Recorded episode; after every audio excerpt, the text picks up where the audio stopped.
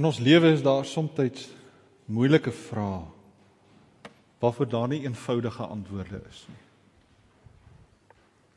Vrae soos hoekom sterf iemand wat nog baie jonk is wat vir ons lyk asof hulle dit nie verdien nie? Of waarom gebeur daar verkrachtings? Waarom is daar onreg? Waar mense beroof word en aangehou word. Somstyds eksploitasie, mensehandel van die verskriklikste aard. Waarom is daar iets soos ongeneeslike siektes? Skynbaar ongeneeslik. Hoe moet ons regtig oor hierdie dinge dink, broer en suster?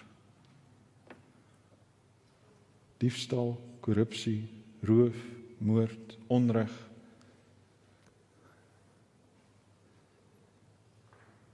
Hoe moet ons as gewone mense verstaan dat daar sulke afgryslike dinge in die wêreld gebeur? En wat ons nog baie meer ontstel soms is om te dink dat ons God aanbid wat hierdie dinge nie kan verdra nie. God kan nie toesien dat daar onreg is nie. God sal sonde nooit ongestraf laat bly nie. Toe God alles gemaak het, was dit goed. Toe hy die mens geskep het, het hy gesê dit was baie goed. Beteken dit dat hierdie God wat alles goed gemaak het, net toelaat dat die sonde alles vernietig? Het die duiwel nou die oorhand gekry en ons is eintlik maar net slagoffers van die geweld van die sonde?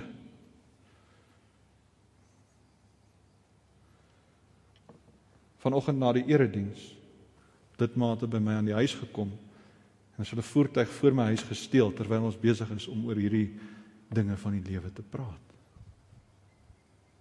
En deur die genade van die Here is die voertuig opgespoor.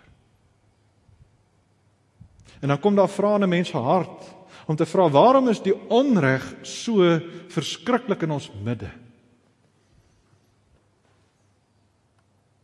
Kan 'n mens nie eers in vrede oor God se woord vir 'n oomblik stil word nie, dan word jy beroof en besteel rondom jou. Het God teen ons gedraai? Waarom waarom help die Here ons nie? Maar dis juist die dinge wat in die hart van Habakuk leef wat gevra het, Here, sien U nie die onreg nie? Ek roep om hulp, maar U luister nie. Ek roep uit geweld, geweld maar u verlos nie. Vir die profeet wil dit voorkom asof God 'n toeskouer geword het van die onreg wat seefuur. En dis asof die wet van God en eintlik enige wet geen krag meer het nie. Reëls beteken niks as daar nie iemand is wat die reëls kan uitvoer nie, kan afdwing nie. Habakuk sien hierdie onreg onder sy volk. En hy pleit by die Here, Here doen reg en geregtigheid en dan sê die Here ek gaan nie ek gaan hierdie verskriklike nasie stuur en hy sal julle straf. Die galdeer sal kom en hy gaan julle soos 'n vangnet, soos visse in 'n net versamel en vernietig. En dan is dit net een te veel. Hoe kan die Here toelaat dat so 'n bose nasie, die goddelose galdeers wegkom met moord? Hoe kan God wat sonde haat, sulke sondes ongestraf laat bly? En dan sê hy ek gaan my onttrek. Ek gaan uit die samelewing uitgaan en dan gaan ek daar op my wagtoring sit en ek gaan sit en wag om te kyk wat gaan die Here doen. Ek wil sien hoe die Here uitkoms gaan bring in hierdie oomblik. Broer en suster, het u al soos die profeet Habakuk gevoel? Het jy al so gevoel dat jy so stom geslaan is oor dit wat oor jou kom, soos 'n storm in hierdie lewe dat jy nie woorde het nie. Magteloos staan jy en toe kyk hoe jy beroof word. Hoe jy verontreg word.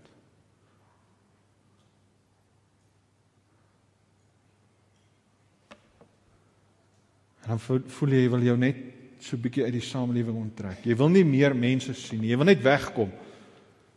En sien wat gaan die Here doen? Here gee U vir ons 'n antwoord. As Habakuk ontvlug, is dit nie 'n wegvlug nie, broer en suster, maar juis 'n stil word, 'n afsondering. As hy stil word, dan gaan soek hy die Here. Hy gaan bidtend, wagtend en soekend om die aangesig van die Here te te wil vind. Ons het dit vanmôre ook gehoor. Ons wil so graag God sien. Ons wil graag antwoorde van God hê en sê, Here, het U dit gesien nie? Ek staan voor U aangesig en kyk die onreg wat my aangedoen word.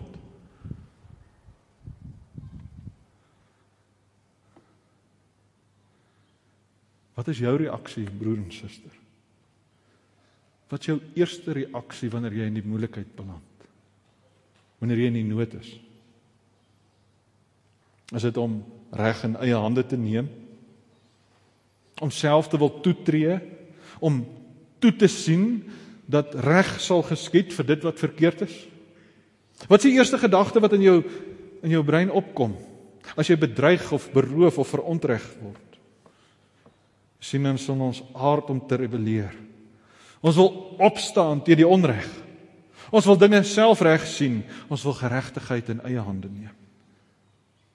Daarom is daar vuisgevegte onder die jong manne om mekaar skynbaar reg te sien. Daarom is daar gruwelwoorde onder jong meisies wat drup van mensebloed. Die geskinder agter een se rug valse vriendelikheid soos die Korintiërs het u en ek geword dat ons mekaar voor regters sleep en mekaar veroordeel en haat en bedrieg. En dan wil ons reg in eie hande neem, maar in die proses vergeet ons van die regter. Ons wil die verkeer in ons samelewing reg sien sonder God se reg.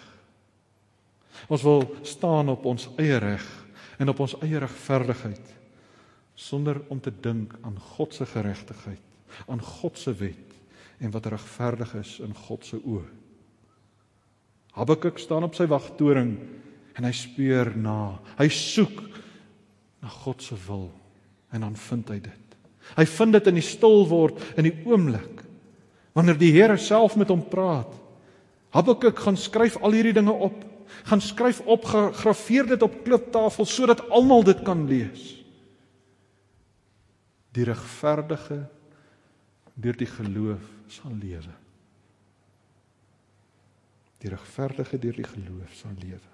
Sien, hele tema van die Romeinebrief. Romeine 1 vers 16. Is net hierdie woorde uit Habakuk. En dis nie die antwoord wat Habakuk verwag het nie, broer en suster. Ons sou eerder dink die Here sal ingrypend optree. Die Here sal nou in sy gewete aangespreek voel soos wat ons dit nou in die katkesasie bespreek het. Die Here se gewete is nou aangekla dat die onreg seevier en nou moet hy iets doen. Maar dit werk nie so nie. sien die Here word nie gebind deur ons wat aanspraak maak op sy beloftes nie. Nee, die Here is God. Hy regeer sonder dat ons daaroor 'n sê het.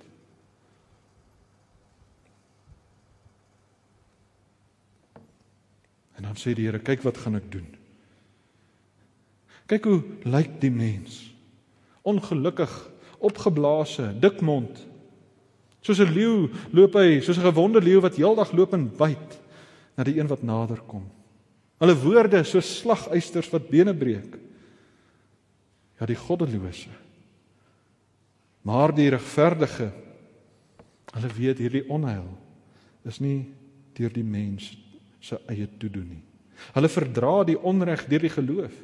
Want hulle sien die roeping in die geloof om ook die onreg te verduur en staande te bly. Omdat dit nie die behoud van sy lewe is om self geregtigheid in eie hande te neem nie, maar om te volhard in die geloof.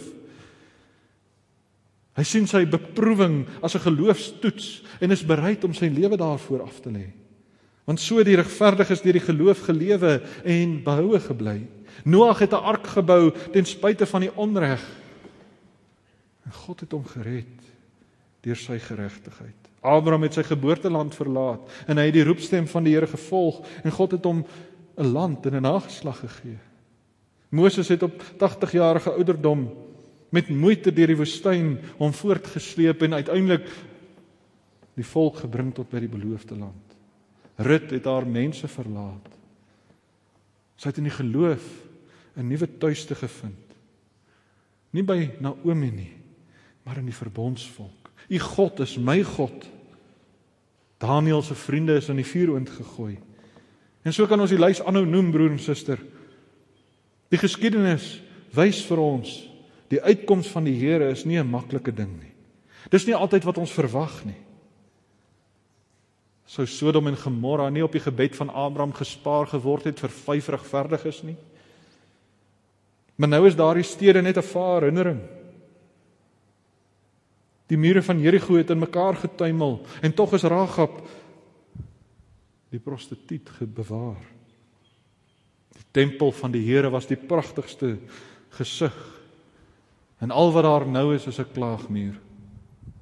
Maar so is dit ook met u en my sonde. U weet dat God die sonde nie ongestraf kan laat bly nie. En daarom moet ons dit verstaan, die onreg, die bloed van ons sondes op ons hande, maar die wet is nie daarom ons te boelie nie. Soos ons vanmôre gehoor het. Die Almagtige kondig nie ons die wet aan sodat ons deur goeie werke beter mense sal wees en na redding sal streef en sê Here kyk wat het ons gedoen ons het so goed gedoen en ons het hierdie gedoen wat reg is en ons het hierdie onregte verduur en gedra. Ons het hierdie offers gebring en kyk hoe gehoorsaam was ons nie. Nie allermins broer en suster. God het begeer dat ons met ons hele hart hom sal lief hê.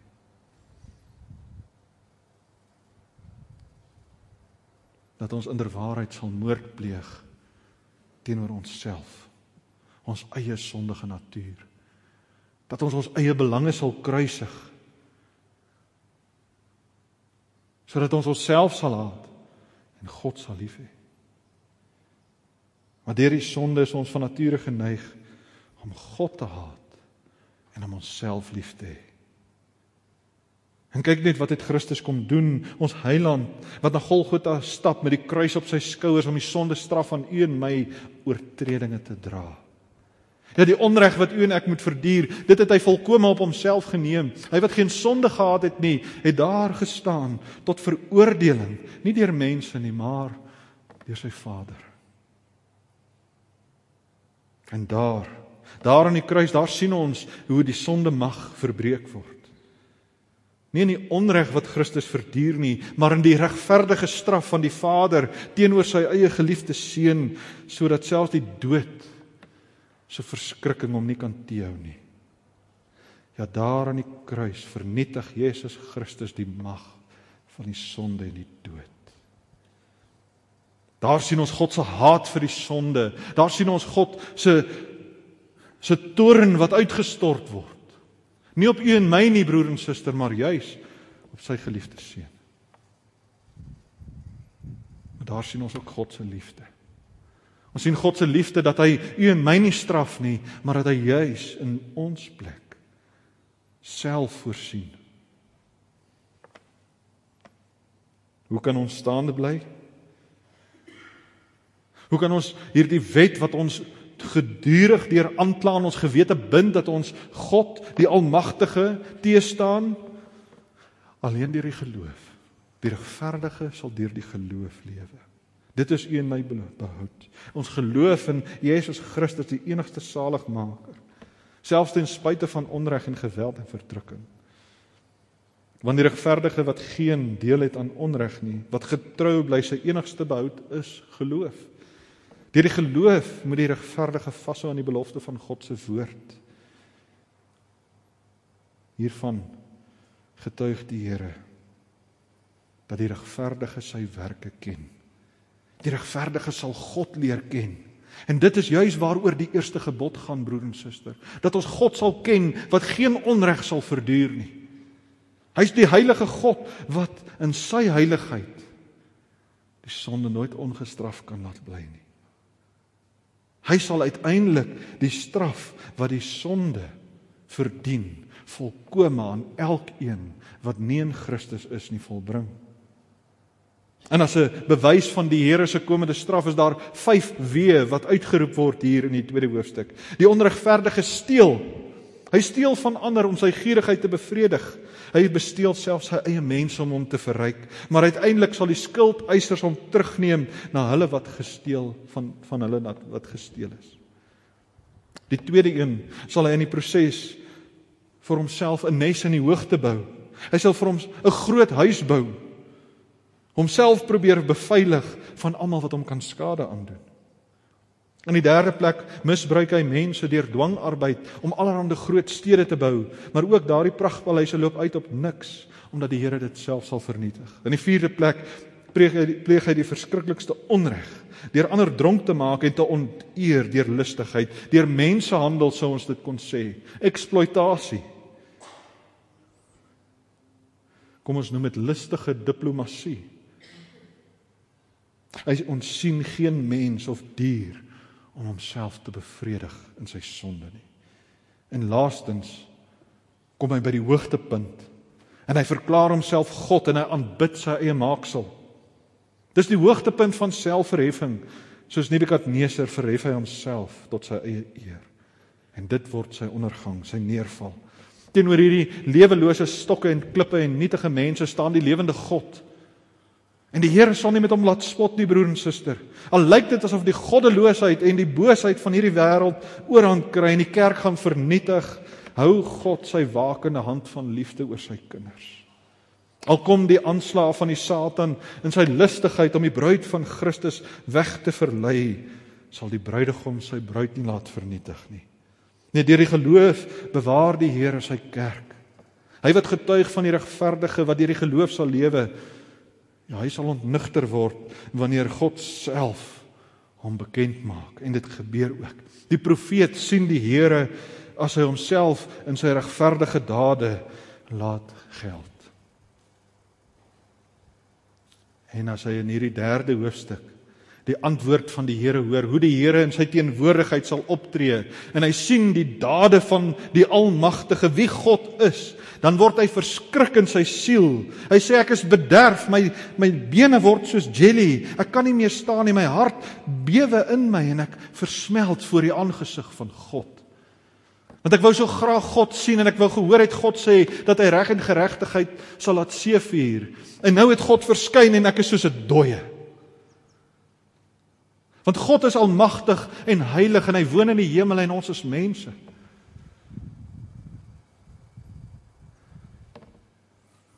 Broer en suster, het jy al ooit so ontnigter geword dat jy in die werklikheid skoon naar word, so kol op jou maag kry? dat jy so 'n bietjie duiselig word en eintlik nie meer kan staan nie en amper moet gaan sit net om asem te kry. Het jy al ooit so ontnigtering gehad? Dis wat met Habakuk gebeur. In sy worsteling teenoor die onreg van mense en hulle sonde en die oorweldigende mag van die Galdeërs wat met 'n swaard oor Israel die verbondsvolk van die Here hulle wil tereg tot straf bring. Wys die Here hom wat gaan gebeur. En dan bewe die profeet. Sy lippe begin te trill, sy ingewande begin skud. Want dit is wat gebeur as die lewende God met 'n mens wat sterflik is praat. Habakuk het gebid en gepleit Nie net dat die Here sy gebed verhoor nie, maar ook dat hulle in Jerusalem die Here se werk sal sien. Hy het gebid vir nuwe lewe, vir reformatie en vir herstel en dan kom dit nie op die wyse wat hy verwag nie, maar op die Here se werk wat hy self doen. Want so werk God deur die geloof. Dit raak jou diepste menswees. Dit verander jou gemoed. Daardie verskrikkende ontnigtering is egter nie tot jou ondergang nie. Dis nie tot jou verderf nie, maar juis tot jou verlossing. Dis jou uitkoms. Want so bring die Here ontnigtering. En hy bring ontnigtering in Habakuk se lewe op twee maniere. Hy leer hom om geduldig te bly en hy leer hom om bly te wees.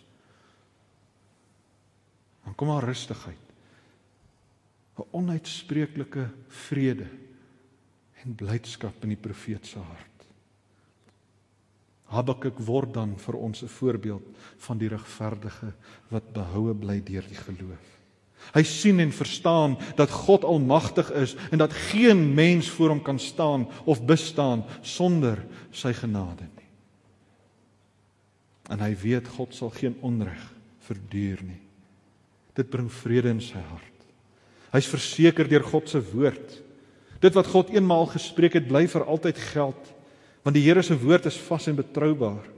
Want daarmee saam kom nie net 'n verligting nie, broer en suster, daar kom ook 'n blydskap. Die Here maak jou vry van dit wat so swaar op jou gedruk het, wat jou soos eisters en kleisters vasgehou het. Dat jy bevry voel van daardie slaguister wat jou keel toegedruk het. En daarom kan 'n mens in jou diepste beproewing met blymoedigheid vashou aan God se woord. Nie omdat die bly, omdat die vir, vir beproewing jou bly maak nie, maar omdat jy juis weet dat God jou deur sy genade uiteindelik in sy geregtigheid, in sy regverdige optrede sal vergeld. As jy aan God behoort, dan kan jy nogtans sê. Want dan is daar 'n vye boom sonder botsels en die wingerdstokke sonder vrug. Die olyfbome stel te leer in die saailande sonder voedsel. Die kleinvee is uit die kraal. Die beeste is nie meer in die stalle nie nogtans. Dis baie moeilike woorde broer en suster. Om te sê nogtans ten spyte van al my teenspoede, my lewensomstandighede, nogtans sal ek in die Here jubel. Nie oor die luksehede wat ek verloor het nie, maar my lewensnoodsaaklikhede wat weg is. Want my blydskap gaan nie oor wat ek van die Here kry nie, maar in wie die Here is.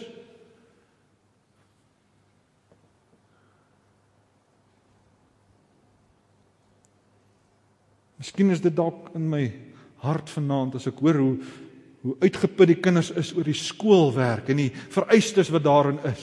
Hoe durf dit? Dat ons hulle wat aan God behoort so belas met alles van die lewe sonder om hulle te leer wie God is.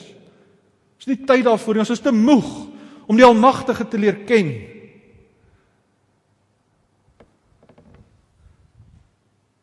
En druk dit swaar op ons hart. En dit steel ons blydskap. Ons raak moedeloos en depressief. Broer en suster, die blydskap wat die Here vir ons gee, is nie om bly te wees net oor alles wat ons kry nie, maar oor wie God ons gemaak het, 'n nuwe skepsel. Ons word bevry van hierdie laste van die lewe, dat ons gewete gebind word net deur God se woord.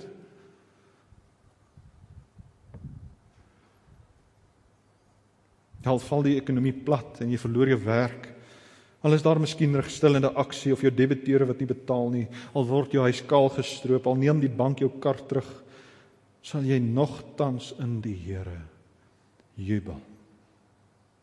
Dis nie 'n blydskap van jy nie. Nee, maar dis 'n blydskap van binne broer en suster. Dis iets wat niemand van jou kan wegneem nie. Dis 'n blydskap wat jy het omdat jy God leer ken het en dat jy sy genade aan jou leer ken het.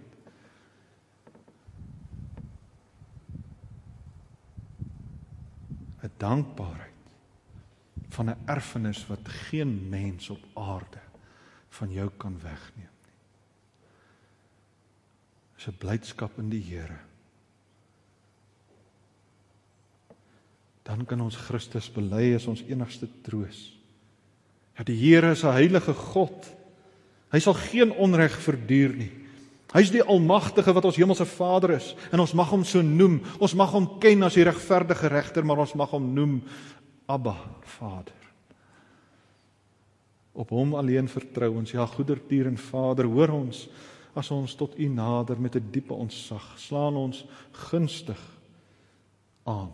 sien ons aan in U goedheid. Skenk ons U genade. Want ons wag op U. Amen.